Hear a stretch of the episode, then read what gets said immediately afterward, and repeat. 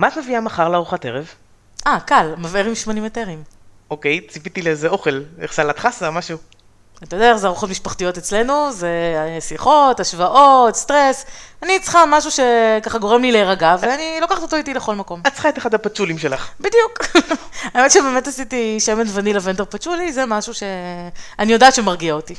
אז תעשי איזה שעה יוגה לפני. זה לא מספיק חזק. או, בשבילך בדיוק עובדים עכשיו על לגליזציה? זה מוכן עד מחר? כנראה שלא. אוקיי, אז אה, נראה לי שאני הולכת לשים עוד טיפה של פצ'ולי. לצאת מהמקרר, סיגל סיירס וירון אדלר מדברים בריאות.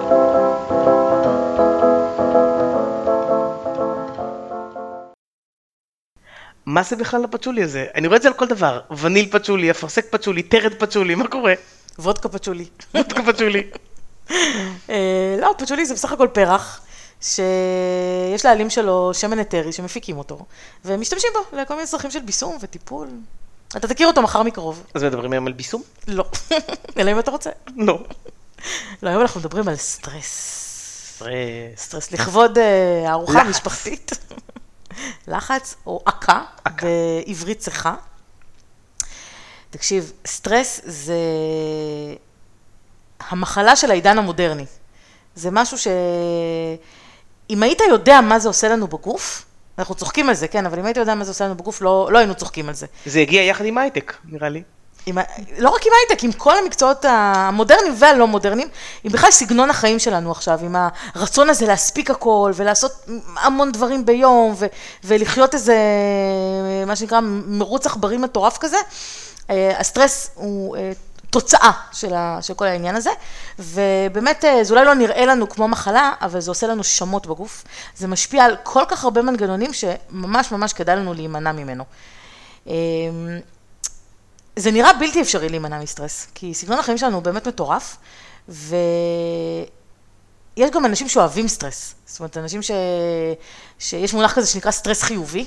אוקיי? אנ- אנשים אומרים שהם מתפקדים יותר טוב תחת לחץ, שביום שיש להם לחץ כיף להם יותר כי הזמן עובר להם מהר, נכון. וביום שפחות אז קצת משעמם. כי יש אדרנלין. נכון. זה לא סתם יש אדרנלין, באמת, באמת נוצר אדרנלין כתוצאה מסטרס. אבל למה זה רע? זה נשמע לי מעולה. אנשים עולים על רכבות הרים רק בשביל האדרנלין. כן, אז אה, אני אגיד לך מה, אה, יש הרבה דברים שאנשים עושים שגורמים להם להרגיש טוב, אבל הם לא באמת עושים להם טוב בגוף, נכון? יש כל מיני דברים כאלה שאנחנו יודעים. שוקולד? שוקולד במקרה הטוב, אלכוהול, סמים, אה, נכון. עישון, נכון? יש כל מיני דברים ש... שגורמים לאנשים להרגיש טוב, אבל עמוק בפנים זה לא, לא, לא עושה לנו טוב בגוף. וגם סטרס זה משהו ש... שהוא מאוד מאוד בעייתי. אה, וסטרס יכול להיות גם שלילי וגם חיובי, אוקיי? סטרס חיובי למשל יכול להיות אה, לפני אירוע מיוחד, כמו חתונה או בר מצווה, זה משהו טוב, זה משהו שאנחנו מחכים לו, אבל עדיין הוא גורם לנו לסטרס, שהוא אמנם סטרס חיובי, אבל, אבל הוא עושה אותו דבר כמו סטרס שלילי. שסטרס שלילי יכול להיות איזשהו אירוע יותר אה, עצוב, כמו, אני יודעת, אה, אה, פיטורים בעבודה, גירושין, יציאה לפנסיה כפויה. אה, אתה יודע, כל מיני דברים כאלה ש, שלא באים לנו בטוב כל כך. ו, והסטרס הזה בעצם גורם לגוף שלנו להפריש כל מיני חומרים שהם מאוד בעייתיים לנו, והם עושים לנו אה, הרבה צרות, גם לטווח קצר וגם לטווח ארוך. עכשיו, מה זה בכלל סטרס? אנחנו מדברים על סטרס, מה, מה, זה, מה זה בכלל אומר? בואו נבדיל שנייה בין סטרס אה, שהוא המצב עצמו, סטרס זה המצב עצמו, לבין הסטרסור, שזה הגירוי לסטרס. אוקיי? יש לנו את הגירוי שגורם לנו לסטרס, והמצב שהוא סטרס זה המצב שבו המוח שלנו מרגיש מאוים מאיזושהי סיבה. והוא לכן משנה את ההתנהלות של כל הגוף בשביל להתאים את עצמו למצב הזה. אוקיי. עכשיו, יש מונח שנקרא fight or flight, שאני מניחה שרוב האנשים מכירים, זה מונח די ידוע, והמונח הזה מתאר מצב שבו אנחנו נתקלים באיזשהו איום, ואז הגוף שלנו מפחית כל מיני פעילויות שפחות חשובות באותו רגע, כדי לגייס את כל המשאבים שהוא צריך לטובת מלחמה אכזרית באיום, או בתוקף שעומד מולנו. עכשיו מלח- מלחמה אכזרית באיום לא בהכרח חייב להיות איזשהו אריה שבא לטרוף אותי, זה גם יכול להיות איזשהו דדליין של עבודה שאני צריך להגיש. זה יכול להיות דדליין של עבודה, זה יכול להיות מישהו שתוקף אותנו באישון לילה ובדיוק קנינו אייפון חדש שאנחנו לא רוצים לוותר עליו, אז אנחנו נלחמים בטירוף, אוקיי? זה... אה, דוגמה, למשל, לתגובה אינסטינקטיבית שמכניסה את הגוף שלנו למצב של סטרס, אה, שזה החלק של ה fight, אוקיי? אם אנחנו מתגייסים למלחמה במשהו, יש את החלק השני של ה flight, שזה בריחה מהמקום בשיא המהירות, כמו למשל, אם תוקף אותנו דוב ביער שרוצה את האייפון החדש שלנו, ואנחנו מבינים שעדיף לוותר על האייפון ולברוח משם, כי תוצאת הקרב הזה ידועה מראש. לא כל האנשים יחליטו בדיוק את ההחלטה שאמרת עכשיו. אבל נגיד. אוקיי, בוא נגיד שאנשים שלא יברחו משם, תגובת הסטרס לא תעזור להם במקרה הזה. יש הרבה, הרבה אנשים שהיו מעדיפים להיות בתוך דוב עם אייפון, מאשר מחוץ לדוב בלי אייפון. כן, אה, אבל אנשים אה, אה, רציונליים כמונו לא, לא יבחרו מן הסתם נכון. באופציה הזאת, ואז באמת הגוף מגייס את כל המשאבים הרלוונטיים לתגובה הנבחרת, ומה שקורה לנו זה ככה, שים לב. ברגע שאנחנו נתקלים באיזשהו איום, יש שרשרת של אירועים ש... שקורים לנו בגוף. האישונים שלנו מתרחבים, נכון? כדי לקלוט יותר אינפורמציה, אבל מה זה אומר? שאנחנו רואים קצת פחות טוב, נכון? כשהאישונים מתרחבים, כן. אנחנו רואים קצת פחות טוב, כי זה ההפך מהתמקדות, ב... שזה גורם לנו לראות טוב יותר. אה, קצב הלב שלנו מואץ, כדי לשלוח יותר דם בכל דקה לכל הגוף, כדי שיהיה מספיק חמצן ואנרגיה לשרירים, כי אנחנו מן הסתם צריכים שרירים בשביל, אה, אם אנחנו רוצים לברוח, אז אנחנו צריכים שהשרירים שלנו אה, יעבדו טוב. קצב הנשימה שלנו מוגבר כדי להגדיל את צריכת החמצן, שיהיה לנו מספיק חמצן בדם. השרירים נמתחים כהכנה לפעולה, נכון? אה, לפני בריחה. הכבד שלנו מפרק את מאגרי הגליקוגן שלו, שזה בעצם המאגרים של הגלוקוז. שהוא אוגר בתוכו לשעת הצורך, ואז הוא, הוא מייצר מזה גלוקוז שמשמש לייצור אנרגיה עבור השרירים. הקיבה שלנו מפסיקה או כמעט מפסיקה את עיכול המזון. אה, שרירים בלתי רצוניים, כמו שלפוחית השתן ופי הטבעת, נרפים. אתה יכול לדמיין מה זה אומר. אה, יש אנשים שקוראים בעקבות הדברים נכון. שמפחידים אותם. יש, יש הפרשת צרכים לא רצונית, והסיבה לזה זה כדי שזה לא יכביד עלינו בזמן התגובה. זאת אומרת, אם אנחנו צריכים עכשיו לברוח, אז אנחנו צריכים להיות כלילים ולא... מפה המושג, הרטבתי את מכנסיי מרוב פחד. מפה? מפה המושג? כן. אוקיי. סבבה, אז מי מנצח על כל הקונצרט הזה? הדוב בדרך כלל. לא, המוח. אמ, כשאנחנו נתקלים באיום, המוח שלנו שולח מסרים עצביים לבלוטת האדרנל. עכשיו, כולם ישאלו, מה זה בלוטת האדרנל?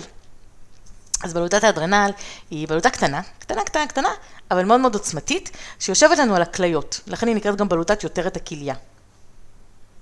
עכשיו, היא בתגובה למסרים מהמוח מתחילה להפריש כל מיני הורמוני סטרס, שהם אלה שגורמים לכל מה שאמרנו מקודם, כל הרשימה הזאת של, ה, של האירועים. הורמוני הסטרס האלה שמופרשים על ידי האדרנל נקראים אדרנלין, נכון? אדרנל, אדרנלין. Obviously. Obviously. אדרנלין, נוראדרנלין וקורטיזול. שבטח שמעת עליהם, כן. כי הרבה אנשים שמעו עליהם. ברור. על ההורמונים האלה. וההורמונים האלה אחראים על איך הגוף אה, יגיב לאיום שלפניו, והם, אה, כמו שאמרתי, גורמים לכל הדברים האלה לקרות. עכשיו, התגובות האלה הן תגובות שהיו הגיוניות בימי האדם הקדמון, נכון? כשהיו באמת אה, איומים רציניים סביבו, היו טורפים, היה, אמרנו, אריה פתאום היה מגיע, היה באמת משהו שצריך להיזהר ממנו. אבל היום אנחנו לא באמת חיים בסביבה של איומים כאלה, נכון? לעומת זאת, התגובות ההישרדותיות עדיין נשארו, אותו דבר. אז למה אנחנו כן חשופים היום? בתור איש הייטק, רוצה לספר לנו איזה גורמי סטרס קיימים בסביבתך? תארי לעצמך שאת פותחת את הארון, ואת לא יודעת איזה מקלדת יכולה ליפול לך ממנו. את יודעת איזה מלחיץ זה? או שאתה מגיע למטבח ואתה לא יודע איזה עוגייה לבחור היום. בדיוק. שלא יכולת לדעת קודם. לא, אבל, אבל יש מלא סטרס. ברור. כי אה, בעיקר לוחות זמנים.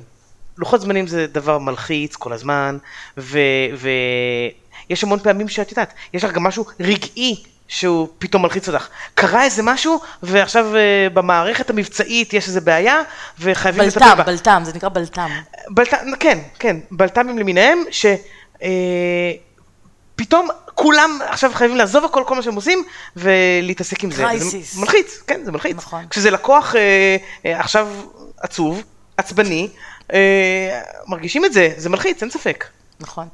אה, כן, זה נכון, ו- ויש, אה, בכל חברה מכירים את ה... כל ארגון מכירים את, ה- את הנושאים האלה, את הלחץ היומיומי בעבודה, את הדדליינים, ישיבות תקציב, ישיבות נהלה, שחרור גרסה, נכון? כן. בהייטק. אה, לפעמים יש גם קולגות שמעצבנים אותנו, נכון? יש פוליטיקה ארגונית, יש כל מיני דברים, זה לא חייב להיות רק דברים שהם נטו עבודה. אין לי מושג על מה מדברת, כל הקולגות שלי אנשים נפלאים. מדהימים. זהב, זהב. לב זהב, נכון? אבל תחשבי על נציגים טלפונים שפתאום צועקים עליהם בטלפון, או, או נכון. אנשים אה, מוכרים בחנות שפתאום איזה מישהו מתפרץ עליהם בטירוף.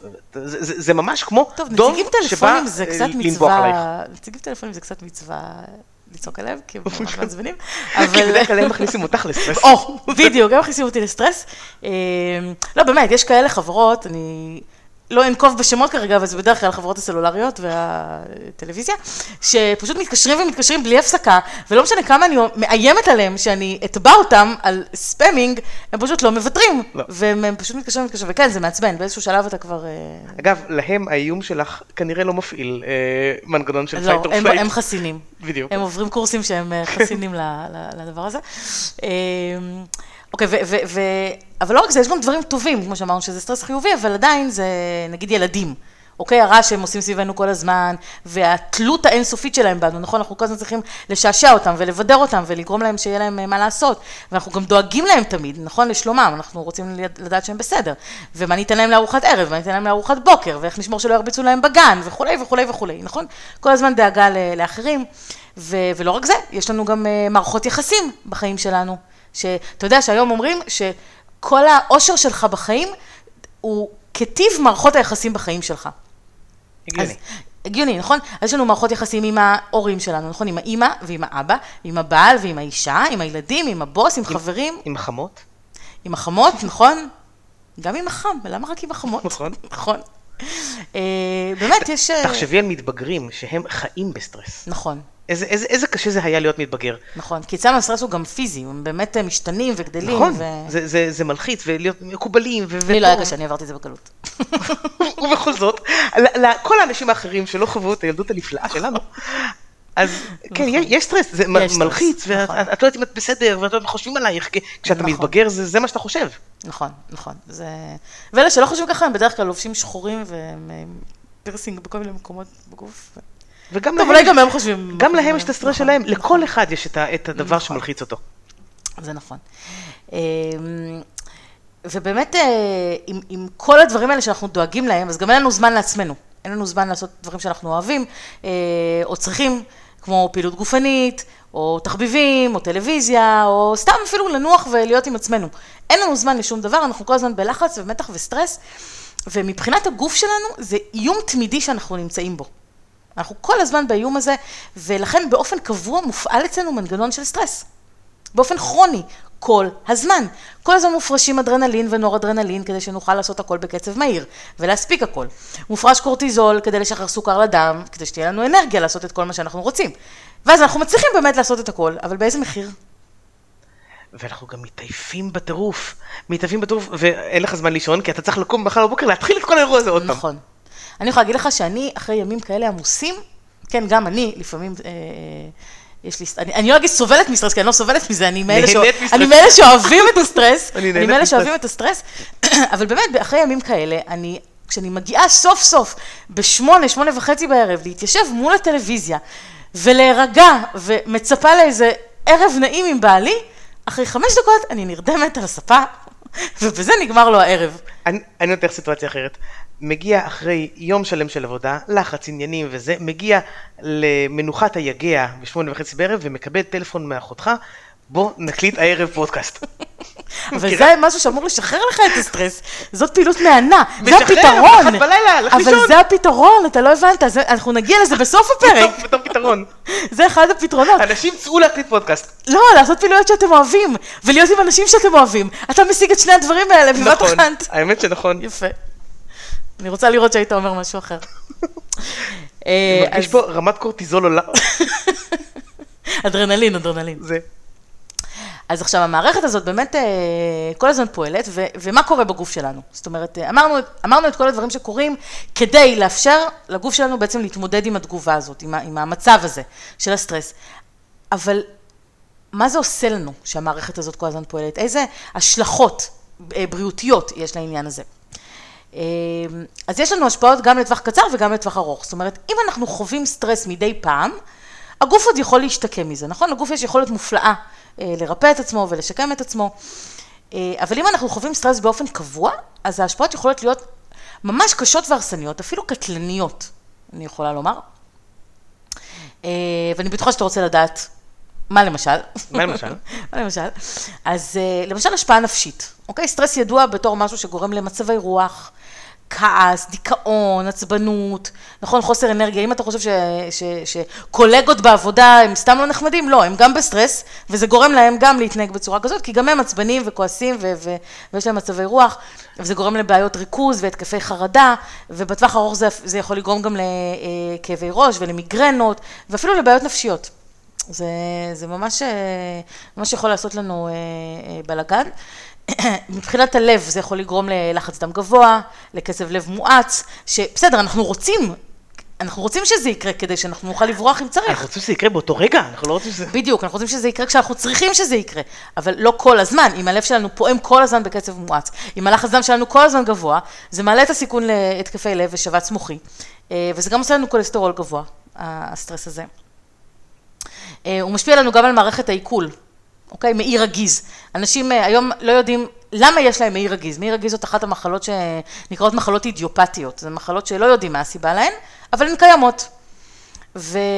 וסטרס זה אחת הסיבות למעי רגיז, זאת אומרת גם המעי שלנו מתרגז. האמת שזה גם הגיוני, כי אה, הרבה אנשים חווים ברגע שהם אה, לחוצים נגיד לקראת מבחן, פתאום כאב בטן. נכון. או, או פתאום יש לך איזה ראיון עבודה או משהו כזה, ואתה מזיע ואתה לחוץ, ושוב כאב בטן ואתה בדיוק חייב ללכת לשירותים שנייה לפני. נכון. כן, זה ממש, כל המערכות נכנסות זה, ללחץ. זה בדיוק זה, רוצים להשתחרר, רוצים כן. להשתחרר לפני ה... אמ, זה גם גורם לירידה בספיגה של נוטריאנטים, כל הוויטמינים, מינרלים, נספגים פחות בגוף בזמן סטרס, יש חילוף חומרים מועט, אוקיי? כי, למה? כי הגוף עכשיו לא אומר, טוב, בוא עכשיו נתחיל להכין כל מיני דברים, חלבונים ושומנים וזה, לא, אני עכשיו מתגייס לאיזו תגובה מסוימת. אה, יש שחרור מופחת של אנזימי עיכול, מה שגורם בעצם לאוכל לשבת בקיבה, ואנחנו לא מעכלים טוב, כשאנחנו בסטרס אנחנו לא מעכלים טוב את האוכל, והוא פשוט נשאר. וזה, וזה גורם לעלייה בסיכון למחלות מעי דלקתיות, לסוכרת ולעוד הרבה דברים כאלה אה, שהם לא, ממש ממש לא טובים לנו. אה, זה יכול לגרום לבעיות עור. ואני חושבת שהרבה אנשים יודעים שיש כל מיני התפרצויות של אטופיק דרמטיטיס ופסוריאזיס כשאנשים נמצאים בסטרס, זה יכול לגרום גם לאקנה. ולכל מיני פריחות ופצעונים ללא הסבר, אנשים שבדרך כלל לא סובלים מזה. והעור יכול אה, להיות רגיש יותר לכל מיני דברים, למגע, אפילו לבגדים שאתה לובש פתאום, ככה, משהו שאף פעם לא היה לך. אני זוכר גם באמת בתור teenager, ש, שבתקופת הפצעונים וזה, אז אמרו לך, זה נובע מלחץ. עכשיו, אתה לחוץ, אומרים לך זה נובע מלחץ, לך תפחית עכשיו את הלחץ בגלל שאמרו לך את זה. נכון. זה כמו, אל תחשוב על פי לבן. כן, כאילו, זה לופ כזה. נכון. קשה, אי אפשר. נכון. אמ, וזה גם גורם לנשירת שיער, דרך אגב, שזה בדיוק מה שאמרת, זה גורם לנשירת שיער, אתה נלחץ מזה שנושר לך השיער, וזה ממשיך לגרום לנשירת שיער. זה מזין את עצמו, זה ממש מזין את עצמו. נכון, וזה גם גורם לבעיות בקיבה, אולקוס, נכון? אולקוס וסטרס זה, זה שני דברים כן. שהם אה, הולכים יד ביד. ידוע, עשרות שנים אומרים, ממה נובע אולקוס? מלחץ, כן. לגמרי, וכל מיני, זה עושה אלרגיות למזון, וכל מיני עוויתות. שיש לך, וריפלוקס, אתה יודע מה זה ריפלוקס? שהחומצת הקיבה עולה כן. למעלה. אה, ובחילות, ועליות וירידות במשקל. אה, כל זה תוצאה של פשוט זרימה מוגברת של הורמוני סטרס. זה, זה, זה כבר ידוע ונבדק במחקרים. אה, כשזה קורה, כל, ה, כל הסיפור הזה, אז אמרנו קודם, הכבד משחרר לדם כל הזמן סוכר, נכון? כדי שיהיה מספיק אנרגיה לתאים ולשרירים בשביל לעבוד. הבעיה היא שאם כל הזמן רמת הסוכר בדם גבוהה, אה, שזו תגובה לרמה גבוהה של קורטיזול, זה יכול לגרום לתנגודת לאינסולין, אוקיי? תנגודת לאינסולין, כי ברגע שרמת הסוכר בדם גבוהה, הלבלב מפריש כל הזמן יותר אינסולין, כדי להכניס את הסוכר הזה לתוך התאים. אינסולין זה ההורמון שמכניס את הסוכר לתוך התאים, ואז ברגע שרמת הסוכר בדם יורדת, אז מופרש עוד אינסולין, אוקיי? כי הקורטיזול ממשיך לשחרר כל הזמן סוכר לדם. נכון? זה מין לופ כזה. אוקיי? אוקיי. יש קור- קורטיזול גבוה, סוכר בדם גבוה, אינסולין גבוה. קורטיזול גבוה, סוכר בדם גבוה, כן. אינסולין גבוה. ככה זה עובד. ואז בעצם, בשלב מסוים, התאים מפסיקים להגיב לאינסולין הזה, כי הם כבר רבועים. כבר כמה אפשר, קיבלנו מלא אינסולין, אנחנו לא מגיבים יותר. כל העמדות תפוסות, מה שנקרא, ואז האינסולין הולך ומצטבר. הסוכר בדם הולך ומצטבר, כי כבר, הוא לא נכנס לתאים. התאים לא מגיבים לאינסולין. ואז מתפתחת מה? סכרת. סוכרת, בדיוק. ולא רק סוכרת, גם השמנה ו- ועוד המון המון בעיות שקשורות קשורות לזה.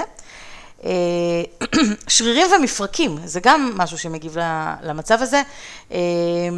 אה, נוצרים כאבים ודלקות וירידה בדחיסות העצם שיכולה להוביל לאוסטאופורוזיס. יש מתח בכתפיים ובגב, נכון? כל פעם שאתה הולך לעשות מסאז', ממשמשים לך את הכתפיים. או, אומרים לך, אתה- "או, המשפט הקבוע? אוי, אתה בלחץ. תגיד, אתה יושב מול מחשב כל היום? נכון? משפטים הקבועים, שתגיע ש-90% מהאוכלוסייה... לגמרי, תגיע רפואי, תגיע אחרי מסאז', תגיע אחרי יום בסאונה, המשפט הראשון של המעשה יהיה, אתה ממש בלחץ היום, אה? אתה אתה עובד מול מחשב? נכון, אבל, אבל לזכותם ייאמר שמסאז' אחד אה, לא משחרר את כל הלחץ בכתפיים, ויכול להיות שהם באמת מרגישים ברור. שאתה עדיין לחוץ. אבל כן, ו- ו- וכל זה מתוך כוונה להכין את הגוף למלחמה, נכון? עכשיו, אה, אחד הדברים ה- היותר גרועים ש- שיש כתוצאה מסטרס, זה ירידה בייצור הורמוני מין, אסטרוגן ו- וטסטוסטרון, מה שמוביל לירידה בפוריות. כן, כן, סטרס מוביל לירידה בפוריות, ירידה בחשק המיני, ירידה בהתנהגות המינית. אה, וזה בעייתי, כי אנשים שגם ככה סובלים מבעיות בפוריות, אז שוב, אומרים להם נכנסים ללחץ. נכנסים ללחץ, אומרים להם שזה בגלל זה, הם נכנסים ללחץ עוד יותר. בקיצור, שוב, אה, שמזין את vicious circle, כן. אה, מערכת החיסון, היום ידוע שיש קשר הדוק בין סטרס לבין התפתחות של מחלות אוטואימוניות. כי בגדול, אה, סטרס מוריד את היכולת של מערכת החיסון להילחם בפתוגנים ולהגן מפני מחלות, והוא מוביל לרמה גבוהה של דלקת בגוף, מה שגורם בתורו לניסיון להעלות את הפעילות של מערכת החיסון, ואז בסופו של דבר היא פועלת נגדנו. זה ממש ממש נכון. אני רוצה להגיד לך, הרבה פעמים אני- אנשים מדווחים, זהו. אני מאשר את הדברים. אני נותן לך אישור, הנה, בבקשה סיגל. יש לך אישור ממני. תודה. הרבה פעמים אנשים מדווחים שאחרי אירועים שהם חיכו להם הרבה, חתונה או, או דברים כאלה, שהם המון המון נערכו, ו... אה, הרי חתונה את יודעת שגוזר סטרס. לגמרי. כן, אז, אז לא, בדיוק חוץ מהחתונה שלנו, שהייתה אירוע רגוע ונחמד. כל החתונה של הסובבים שלנו זה תמיד אירוע רגוע, אבל אחרים, האנשים נכון, האחרים האלה. איפשהו בעולם, נכון. אה, להם זה, זה אירוע סטרסי. ו... והרבה אנשים פתאום חולים יום אחרי, כי הגוף שלהם באמת נכון, גם לא, זה לא. לא יכול היה עכשיו להילחם בכל הדברים האלו, הוא היה עסוק בלבחור את הצבע של המפית. נכון, שזה חשוב. כן. חשוב. אני, לא, אבל האמת היא שהחתונה שלי הייתה מהממת והייתי מתחתנת עוד פעם. ממש אה, זה. אבל לא בגלגול הזה, בגלגול הבא. לא, גם בגלגול הזה, זה באמת... זה, בשבילי דווקא זה היה אירוע ממש ממש כיפי. אבל עם אותו בעל. ברור שעם אותו בעל, רק עם אותו בעל. אה, אז באמת, אה, באמת הרבה מחלות מתפרצות אצלנו גם, גם אחרי האירוע, באמת, אבל, אבל גם כשאנחנו נמצאים בסטרס כרוני, כל הזמן, אז אנחנו כל הזמן חולים.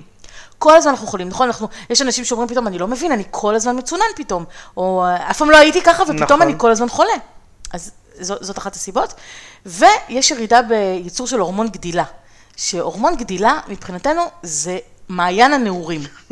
ממש ככה, נכון. אוקיי?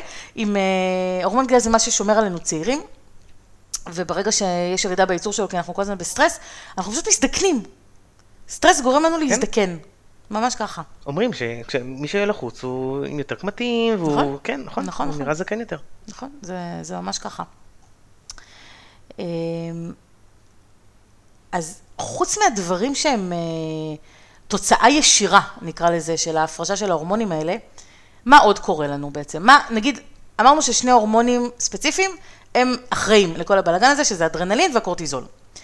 מה ההפרשה של אדרנלין עושה? הפרשה גבוהה מדי של אדרנלין, שכל הזמן ממשיכה להיות, מה היא עושה? אם נחשוב על זה רגע, על, ה... על מה היא עושה תכלס, כאילו בשביל להילחם באיום, אנחנו נבין מה זה עושה לנו גם בטווח הארוך. אז בגלל שהיא גורמת לנו לפעול כל כך מהר, היא גורמת להידרדרות בשיקול הדעת שלנו ולקבלת החלטות באופן פזיז, נכון? כי אין לנו זמן, אנחנו חייבים עכשיו מיד להחליט. היא גורמת לירידה ביכולות המוטוריות העדינות שלנו, אוקיי? נכון, כשאתה בלחץ אתה לא יכול לעשות משהו נכון, משהו אתה לא עדין. יכול לעשות עכשיו נכון. אה, להרכיב... התנועות אה, גסות, התנועות גסות. בדיוק, תנועות כן, גסות כן. ומהירות. אה, היא גורמת למצבים קשים להיראות כמו איום ולא כמו אתגר. אוקיי? זאת אומרת, היא, מכניסה אותנו למין מצב שפתאום הראייה שלנו היא מאוד מאוד שלילית. אוקיי, אנחנו רואים דברים, נכון. אה, נכון? זה, היא- זה בגיבושים של, של יחידות, את רואה שאת מכניסה את החיילים ללחץ, ואז את רואה איך הם מגיבים אליו. זה ממש כן, ככה. נכון. אה, כי היא באמת פוגעת בחשיבה חיובית, היא עושה הפרשת, הפרשת, אדרנלין אה, גבוהה, היא פוגעת בחשיבה חיובית, היא מקדמת חשיבה שלילית, ממש, זה מה שזה עושה. אה, היא גורמת לפגיעה בביטחון העצמי, היא גורמת לירידה בתשומת הלב, נכון? כי אין לך זמן, אתה עכשיו ב- בלחץ. היא פוגעת לנו במיקוד ובריכוז, והיא בעצם שואפת לנו אנרגיה מנטלית באמצעות הסחת דעת וחרדה ותסכול ומזג חם, נכון? אתה פחות נחמד, אתה ממש אתה פחות פחות- נחמד, כן, כן. נכון? אתה עצבני. אתה עצבני, איך, תהיה נחמד עכשיו למישהו שפונה אליך? נכון, נכון. בדיוק. ו, ו, ובעצם היא לוקחת לנו אנרגיה שהייתה יכולה להיות מושקעת באתגר מסוים שלפנינו בעבודה, תכלס. עכשיו זה אדרנלין. מה הפרשת קורטיזול גבוהה עושה? או, טוב ששאלת. תגידי, מה הפרשת קורטיזול עושה? אז טוב ששאלת. אתה ממש קורא אותי. אני אומר לך, זה... אני, אתה אני, אתה צעד אחד לפניי. יש לי את היכולת הזאת לבחור את השאלה הנכונה. ממש, זה, ממש. אה, אז מה שהיא עושה, היא גורמת לשחרור שומן ממאגרי שומן בגוף, ועכשיו אני מצפה שתשאל אותי, היי, זה נשמע כמו הרזייה. משחררת שומן ממאגרי שומן בגוף. אה, אוקיי. כן, אז זה מרזה? לא. ותכף נראה למה לא. היא גורמת לירידה בהיווצרות עצם, נכון, כמו שאמרנו, כי מי צריך לבנות עכשיו עצם אם אני צריכה לברוח מדוב, נכון? אה, היא גורמת לירידה בקליטה של... דוב, עצור, אני בונה זה עכשיו. אז הוא אומר, אז תביא לי קצת גם. כן. אה, היא גורמת לירידה בקליטה של חומצות אמיניות על ידי השרירים. שוב, כי זה לא זמן עכשיו לבנות שרירים, נכון? אנחנו עכשיו משתמשים בהם. היא גורמת לשחרור סוכר ממאגרי הגליקוגן בכבד, כי צריך אנרגיה. אבל כמו שאמרנו, רמת סוכר גבוהה בדם כל הזמן גורמת להשמנה ו- ו- וסוכרת, אה, ולכן קורטיזול לא באמת מרזה, אלא להפך, הוא מקושר להשמנה בטנית, שזאת ההשמנה הכי מסוכנת שיש, כי השומן הבטני הוא בעצם שומן פעיל, זה נקרא, זה שומן שמפריש הורמונים משל עצמו, וגורם לדלקת בגוף. וזה בעצם אה, אה, רקמה שומנית שלוחצת לנו על האיברים הפנימיים בגוף, ובקיצור עושה לנו בלאגן. וזה משהו שהפרשה כרונית של קורטיזול עושה. אה, ובגלל שיש רמה גבוהה של סוכר בדם, אז כל הזמן מופרש מהלבלב אינסולין, נכון, שמכניס את הסוכר לתאים, ובסוף אה, נגרמת לנו סוכרת. אז גם קורטיזול זה לא דבר שטוב שיהיה יותר מדי. עכשיו, אתה יודע מה עוד גורם לאדרנל להפריש הורמוני סטרס, חוץ ממה שאמרנו עד עכשיו? מה? או, שיבוש בשעון הביולוגי. או השינה. או, כן. יפה. יש לנו, אתה יודע, לכל אחד שעון ביולוגי, לא רק לנשים, גם לגברים, לכולם, לכל בעלי החיים. יש שעון ביולוגי שמפקח על מקצבי החיים שלנו. כל החיים שלנו יש לנו מקצבים, אוקיי? הכל פועל לפי, זה נקרא ריתמוסים, זה פועל לפי קצב מסוים. ויש אה, מקצב שהוא מהמקצב היממתי, זה נקרא שזה באמת השינה והערות, כל המחזור הזה. יש אה, טמפרטורה של הגוף, יש הפרשת הורמונים, יש חילוף חומרים, יש כל מיני מקצבים. ויש עוד מקצבים כמו הדופק שלנו, זה גם מקצב, נכון? יש לו כן. קצב משלו. הנשימה שלנו, זה גם בקצב קבוע. אה, או מקצבים יותר ארוכים כמו וסת, המחזור של האישה, או שנת חורף, של הדובים למשל, גאות ושפל, זה גם מחזוריות מסוימת, יש, יש מקצבים כאלה בטבע. ולכל המקצבים האלה יש משהו שקוצב אותם, נכון? כמו שללב יש משהו שקוצב את הקצב שלו, אז גם לכל המקצבים האלה יש משהו שמשפיע עליהם. אה, בחלקם הקוצב הוא אור, אוקיי? ובחלקם יש קוצבים אחרים, כמו אה, שעות אכילה, פעילות גופנית, כל מיני דברים כאלה. עכשיו, ברגע שיש שיבוש במקצבים האלה, כל הגוף נכנס לבלאגן. נכון? יש אה, הורמונים לא מופרשים בזמן הנכון, תהליכים לא קורים כמו שצריך, וזה גורם לנו בסוף לקרוס. אז מה צריך לעשות? אנחנו צריכים להקשיב לקוצבים האלה, ואנחנו צריכים לזרום איתם. ברגע שאנחנו זורמים איתם, זה מחזיר את הגוף לאיזון. אז בעצם צריך לחזור למערות ולעבוד כן. לפי השמש, כן. שאם השמש שוקעת הולכים לישון, אם נכון. השמש אה, זורחת, קמים. נכון, אבל ה... זה לא רחוק מהמציאות. נכון, אבל היום יום לא מאפשר את זה. לא, אבל- הרי, הרי למה המצאנו חשמל? שמאז הכל התחיל להידרדר. ברגע שיש חשמל, כדי להאריך לך בעצם את היום, וכדי שתוכלי לפעול גם כשאין אור שמש, אז את כבר לא הולכת לישון כשהשמש ואת גם לא מתעוררת כשהשמש זורחת. נכון, אז אני לא אומרת שצריך לעשות את זה, אבל מה שכן צריך לעשות, זה ללכת לישון בשעות קבועות, זה לא חייב להיות כשהשמש שוקעת, אבל כן ללכת לישון בשעה קבועה. אה, ורצוי, דרך אגב, שזה יהיה לפני 11 בלילה, כי ב-11 בלילה, אם אנחנו ישנים, מופרש הורמון גדילה. זה מעיין הנעורים, אוקיי? ב-11. ב-11 בלילה. ב-11 בול. כן, בסביבות 11, כן, אוקיי. אבל ב-11 אה, מופרש הורמון גדילה, שהוא שומר עלינו צעירים, אבל אם אנחנו לא ישנים כבר בשנת הרם, מה שנקרא, REM, אוקיי? אם אנחנו לא ישנים כבר בשעה 11, הוא לא יופרש כבר באותו לילה. והפסדנו אותו. אבל רגע ברצינות, אה, מה מה זאת אומרת? זה גם 11? היה ברצינות, מה זאת אומרת? מה זאת אומרת 11? זה... 11. את- את במקום אחר בעולם, עשר. עכשיו ה-11 שלך הוא שונה. לא, אבל רגע. יפה. את... הלכת לישון ב-12, איבדת אותו, הלכת לישון ב-10, קיבלת אותו? זה- כן. זה as simple as that? כן, זה as simple as that. למרות שאת תשני את אותו זמן בדיוק, אם זה תשני לא אותו קשור- במועד אחר, זה לא קשור? לשעות שינה, זה קשור למתי הלכת לישון, אם פספסת את השעה 11, לפי היום שלך, הרי במקום אחר בעולם השעה 11 היא אמנם לא מתי ש-11 אצלנו, אבל היא עדיין מבחינת המקצב היומי שלהם, היממתי שלהם, זה עדיין אותה שעה כמו אצלנו. עובדי משמרות לילה איבדו את זה? או, יפה. עובדי משמרות, זה הכי גרוע בשבילם שיש, הם ידועים בתור כאלה שחולים הרבה יותר, נמצא במחקרים שמי שעובד במשמרות זה משבש להם לחלוטין את השעון הביולוגי, וזה גורם להם להמון המון מחלות, ולכן, אם יש אנשים שחשובים לך, אני ממליצה לך להמליץ להם לא לעבוד במשמרות. ויותר מזה, מי שלא עובד משמרות, אבל עובד הפוך. עובד בלילה, ער בבוקר. איבד את 11, אין לו 11. בעייתי, בעייתי? בעייתי, לחלוטין.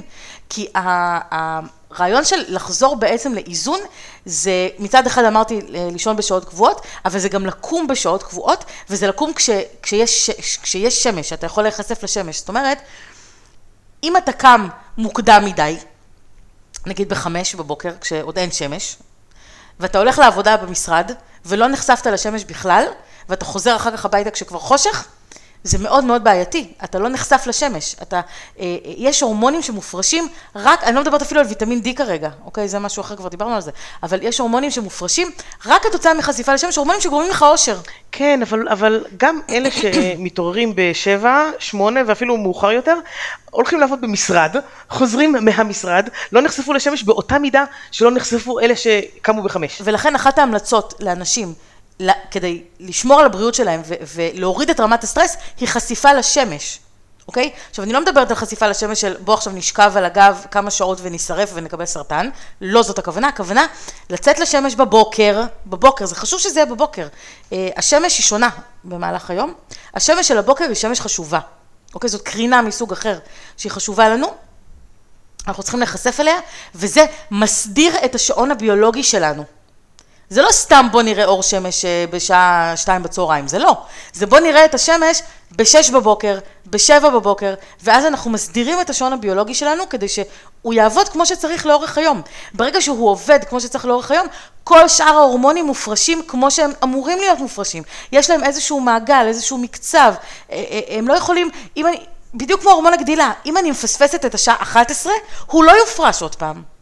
אוקיי? דרך אגב, זה נכון גם למלטונין, זה גם עוד, אה, עוד הורמון שמאוד מאוד חשוב לנו לשינה, שיש אנשים שלוקחים אותו בכדורים, בגלל שהם לא מפרישים אותו. גם, אם אתה מפספס את השעה שהוא מופרש, והוא מופרש מוקדם, אם אתה מפספס את השעה הזאת, זהו, אבוד לך. ספציפית למלטונין יש עוד בעיות, את צריכה גם בחושך אה, להיות ולא נכון, באור, כי אם יש נכון. אור, מאותה סיבה אגב. כי, כי- נכון, כי האור הזה הוא נכון. מה שגורם לו להיות מופסק להיות מופרש. בדיוק. ואז את צריכה לישון בחושך, וכשאת קמה, לפתוח את החלון, לקבל את השמש, נכון. כדי שההפרשה שלו תופסק. נכון, זה נקרא היגיינת שינה. אתה צריך, כשאתה הולך לישון, אתה צריך שיהיה לך חושך בחדר, שיהיה לך שקט, שאפילו לא יהיה את הנורה הקטנה הזאת של הטלוויזיה. נכון. האדומה, כלום, פשוט שלא יהיה בכלל אור בחדר. מה שאצל רובנו לא קורה, לא להסתכל בטלפון, לא להסתכל במסכים, מומלץ לא להסתכל בטלוויזיה, לא משנה שלי הטלוויזיה גורמת להירדם, אבל בעיקרון באמת לא... לא, אבל זה, טוב, זה, זה, זה גם, זה אירוע אחר שגם, אה, יש גם את האור, קרינת האור הכחול שעכשיו מאוד נפוץ להוריד מאוד. אותה מטלפונים, נכון? מאוד. ובכלל ההמלצה היא עד שעה או שעתיים אפילו לפני השינה, נכון. לא להיחשף למסכים האלה נכון. בכלל. מאוד קשה אגב, נכון. בתקופה היומית, היומיומית עכשיו, לא לעשות את זה. נכון, זה, זה ממש נכון, ו, וזאת הסיבה. אני אגב בטלפון באופן קבוע עם הפילטר של ה blue light. באמת? כן. התרגלתי לראות את זה ככה, למה להיות אי פעם עם אור כחול? אבל זה נושא אחר. זה נושא אחר, כן? זה... קשה לי לדמיין את זה אפילו. אני אראה לך את זה בטלפון שלי. אה, אז אה, באמת אה, אנחנו צריכים לחזור חזרה לשעון הביולוגי שלנו, לאפס אותו. וכמו שאמרתי, לעשות את זה צריך לקום בשעות קבועות, המומלץ הוא לקום אה, בין 6 ל-8 בבוקר, לאכול ארוחת בוקר בין 8 ל-10, זאת השעה של ארוחת הבוקר, ולא לדחות את זה יותר. אפילו רצוי יותר מוקדם, בשמונה וחצי כבר, לאכול ארוחת בוקר. ופשוט לאכול בשעות קבועות לאורך היום, ללכת לישון בשעה, בשעה קבועה בערב, ולאזן חזרה את, ה, את השעון שלנו, וזה משהו שמאוד מאוד מוריד את רמת הסטרס. עכשיו, דיברנו על להוריד את רמת הסטרס, אבל איך נימנע ממנו מלכתחילה? זה גם משהו שכדאי לדעת, נכון? אז בעיקרון, דיברנו על אה, בלוטת האדרנל. אתה זוכר שהיא זאת שמפרישה את, ההורמונים, את האדרנלין ואת הקורטיזול בתגובה למסרים מהמוח? אז אם נדע מה הגירויים שגורמים לה להתחיל להפריש את ההורמונים האלה, אז אולי אנחנו נדע גם להימנע מהם. נכון? היית משער. אז מה, מה הגורמים האלה? למשל, חוסר שינה, כמו שאמרנו, אלרגיות, כל מיני, מאמץ יתר, יותר מדי או פחות מדי פעילות גופנית, אוקיי? כמו, כמו כל דבר לא כדאי לא יותר מדי ולא פחות מדי. עישון, תרופות. אנשים אומרים שעישון מוריד להם את הסטרס, לא מעלה להם את הסטרס. אז אה, זהו, שזה לא, זה לא נכון. עישון, זה מוריד את הסטרס כרגע ב, ב, ברמה ההתנהגותית, זאת אומרת, הם צריכים להחזיק משהו ביד ולעשן את זה, אבל זה גורם לבלוטת האדרנל להתעייף. ולהשתגע ולהתחיל להפריש את ההורמונים האלה. אה, גם מחסור בוויטמינים ומינרלים, קפאין, רעלים שונים, כל מיני רעלים, חוסר מנוחה, אה, פצעים בגוף, שהגוף עכשיו אה, עובד בשביל לתקן אותם, לחץ פסיכולוגי, זיהומים, אפילו אמונות ומחשבות שליליות, זה משהו שיכול להשפיע על הבלוטה, להפריש הורמונים, הורמונים של סטרס. ברור, כן. קשר בין גוף ונפש. ממש, ממש ככה. מת... סליחה, מתח משפחתי, אבטלה, מוות של קרוב משפחה, אה, לחץ כלכלי, אוקיי, פחד מכל סוג שהוא, וחברינו הוותיקים, סוכר לבן וקמח לבן. גם הם, גם, גם, גם, גם לסטרס? הם, גם הם, כן. אני מת לדעת מה הקשר בין סוכר וקמח לסטרס. אז אני אומרת, הם גורמים ל... זה לא שהם גורמים לסטרס, כמו שהם גורמים לבלוטה להתנהג כאילו יש פה מצב של סטרס. זאת אומרת, הם בעצם גורמים לה להפריש את ההורמונים האלה כדי בעצם אה, אה, אה, לטפל בחומרים האלה. אנחנו מקבלים סוכר, צריך להתחיל להפריש אינסולין, נכון? מהלבלב. כל, כל המערכת הזאת ההורמונלית היא קשורה. אחד לי, בשני. לי זה מפריש סטרס כי אני פוחד שאת תראי אותי, שם אה, אה, קצת סוכר לבן בקפה. אז זה מלחיץ אותי. לא נראה לי שאתה שם, אתה, עם כל פרק שאנחנו מקליטים, אתה, אני רואה אותך רזה יותר ויותר, אז לא נראה לי שאתה כבר משתמש בדברים האלה. אז איך אנחנו נימנע מהסטרס הזה? איך נימנע מכל הגורמים האלה? או, לא נצרוך אותם? א', את הדברים ש... שאוכלים אפשר לא לאכול, נכון, לנסות לא לאכול כמה נכון. שאפשר. אבל אוקיי. אני, אני... אבל, אבל דברים התנהגותיים זה לא משהו שאת יכולה פתאום לא לצרוך. יפה. אז אני מדברת כרגע ברמה יותר גבוהה. אני מדברת ברמה של אם האדרנלין והקורטיזול הם אלה שמעוררים לנו את כל המערכות ו- ומקפיצים אותנו ועושים לנו את כל התגובות השליליות האלה, אז יש לנו מהצד השני את מי שמרגיע אותנו ועושה לנו טוב. הופה. אוקיי? חומרים אחרים. לגליזציה. לא. לא לזה התכוונתי, אבל נראה לי שאתה מכוון שנעשה פרק על זה, כי אני רואה שאתה ממש בקטע. תשמעי. אה, לא, יש לנו חומרים אחרים. אני רחוק מזה, אבל זה מעניין. לא, ברור, אבל אה, כן, זה מעניין ושווה לדבר על זה. לגמרי. אה, אז יש לנו חומרים אחרים שנקראים אנדורפינים ואוקסיטוצין. כן, לא, מכיר. נראה לי ששמעת על שניהם. כן, אכן. נכון. אז אנדורפינים ואוקסיטוצין זה הורמונים מופלאים, אוקיי? באמת, האנדורפינים מופרשים בזמן פעילות גופנית למשל, שבגלל זה אומרים שפעילות גופנית עושה לנו טוב. או בזמן, או, או אוקסיטוצין למשל, שהוא מופרש בזמן ש, שטוב לנו, שאנחנו נמצאים באיזשהו מצב שכיף לנו, אוקיי? האוקסיטוצין ידוע בתור הורמון האהבה. נכון? אני אה, בטוחה ששמעת על זה. הוא מופרש כשיש רומנטיקה, כשבני זוג מתחבקים mm-hmm. ומתנשקים, ובכלל ככה בסיטואציה רומנטית, וזה ההורמון ששולט בזמן ההתאהבות. זה מה שגורם לנו לכל מה שנקרא כימיה במוח, אז אה, זה זה. זה גם אותו הורמון עם הילדים, ש... שהורה וילד נכון, חווים, כן. בדיוק. אה, הוא מופרש בזמן ההנקה, זה אחד ההורמונים כן. שמחברים בין האם לתינוק, הוא מופרש גם אצל האמא וגם אצל התינוק. אה, האנדורפינים גורמים לשחרור מתח בשרירים, לרגישות מופחתת, זאת אומרת, שנרגיש פחות רגישים, שזה בדיוק ההפך ממה שהקורטיזול עושה. ולחוסר מודעות לכאב, בגלל זה הרבה פעמים בפעילות גופנית, אתה יכול אה, to push through the pain. נכון. נכון, אתה מגיע לאיזה שלב שנורא נורא כואב לך, ואז אתה עובר את השלב הזה, וזהו, ואתה כבר לא, אתה כבר יכול עכשיו להמשיך, להמשיך, נכון. להמשיך, ואתה לא מרגיש כבר את הכאב הזה. כן, בריצות ארוכות מרגישים את זה. בריצות ארוכ- ארוכות אתה מרגיש שבאיזשהו שלב, זהו, כבר עברת את הנקודה שבה אתה, אתה מתעייף או קשה לך, עכשיו כבר אתה רץ על הסבלנות. כן, לי זה לא קורה. אז לא, תרוץ 10 קילומטר, בהצלחה. אני, אני, אני מרגישה את הכאב כבר אחרי uh, כמה צעדים, ואני... את הכאב על הזמן. שמתבזבז כשאתה רץ. כן, אני צוחק. כן. זה ההשקעה הכי טובה שאנחנו יכולים לעשות לא, לעשות פעילות. גופנית, אבל, כן? אבל האמת, אני פחות בעד ריצה דווקא, כי ריצה דופקת את הליכה, הברכיים. הליכה הליכה, נכון. הליכה זה מעולה. הליכה זה באמת בין הסוגי הספורט הכי מומלצים, אז אני הליכה בעד. לחוף הים, שגם לא ייתן את הבומים האלה לברך. פשוט לך. פשוט לך. טוב, הלכתי. אמ, אז בעצם אנחנו צריכים למצוא דרכים לשפר את הפרשת האנדורפינים והאוקסיטוצין אצלנו, נכון? כדי להוריד את רמת הסטרס. אפשר זה- לעזור להם להיות. מופרשים יותר? ברור. אוקיי. אתה שואל איך? תגידי איך. אוקיי, אז קודם כל, אה, דיאטה אנטי-דלקתית. מה זה דיאטה אנטי-דלקתית? יש מזונות שצריכה שלהם מורידה לנו את רמת הדלקת בגוף. אוקיי? כמו למשל, דברים שדיברנו עליהם בעבר, אומגה 3. אתה זוכר שאמרנו שאומגה 3 אה, היא מהווה חומר שממנו מייצרים חומרים אה, אה, אנטי-דלקתיים במערכת החיסון? אז הנה, אם אנחנו צורכים הרבה מאכלים שמכילים אומגה 3, זה חלק מדיאטה שהיא אנטי-דלקתית. או קורקום. גם קורקום ידוע. בתור משהו שהוא אנטי-דלקתי, אז להוסיף המון קורקום למזון. עוד דבר שאמרנו אותו כבר קודם, חשיפה קבועה לשמש. אוקיי? אז זה באמת... אה, גם לא בהגזמה? לא, לא בהגזמה, כן, אבל, אבל, אבל כל יום בבוקר לפתוח את החלון כשאנחנו מתעוררים, לתת לאור השמש, לשטוף אותנו, לשטוף את החדר, להיות חשוף לזה. אה, להקשיב למוזיקה שאתה אוהב. נכון? איך מוזיקה עושה לנו כיף? מוזיקה יכולה לגרום אושר כשאתה שומע שיר שאתה אוהב, או לשיר. מקפיצה אותנו לשיר, כן. לחלוטין, כן. לאכול שוקולד מריר, תרקדי בבית לשיר שאת אוהבת, תראי איזה טוב תרגישי חבל אחרי על זה. הזמן. נכון? ממש חבל על הזמן. לגמרי. זה... או שאני רואה את הבת שלי רוקדת לצילי איזה שיר. וזה בכלל אה, מדהים. אה, שוקולד מריר, הוא משמח. לא אותי באופן אישי, אבל הוא לא משמח. הוא משמח. אנשים כן. את חברות השוקולד. את בעלי למשל הוא מאוד משמח, בעלי חולה על שוקולד לא, מריר. שוקולד. כ- ככל שהוא יותר מריר, הוא יותר טוב. אה, אנשים עם- עם טעם אמיתי וטוב בשוקולד, לא כמונו. לנשום נשימות עמוקות, נשימות אבל ממש לתוך הבטן, כן, איזה כיף זה. ממש ככה. לעשות פעילות גופנית קבועה, כמו שאמרתי לך, לך. צריך לעשות את זה. כן? אה, לעשות מתיחות, או יוגה, או משהו כזה, פעילות שהיא אה, מותחת את הגוף שלנו. זה חשוב מאוד לשחרור מתח. אוקיי. ולשחק ולצחוק. ולצחוק, ולצחוק, ולצחוק, ולצחוק. לצחוק זה תרופה. להכל. כמה. שיותר לצחוק. אתה יודע מה אני עושה עם הבת שלי? היא, יש לה את הצחוק הכי מדהים בעולם, והציל של הצחוק שלה זה הדבר שהכי עושה לי כיף בעולם.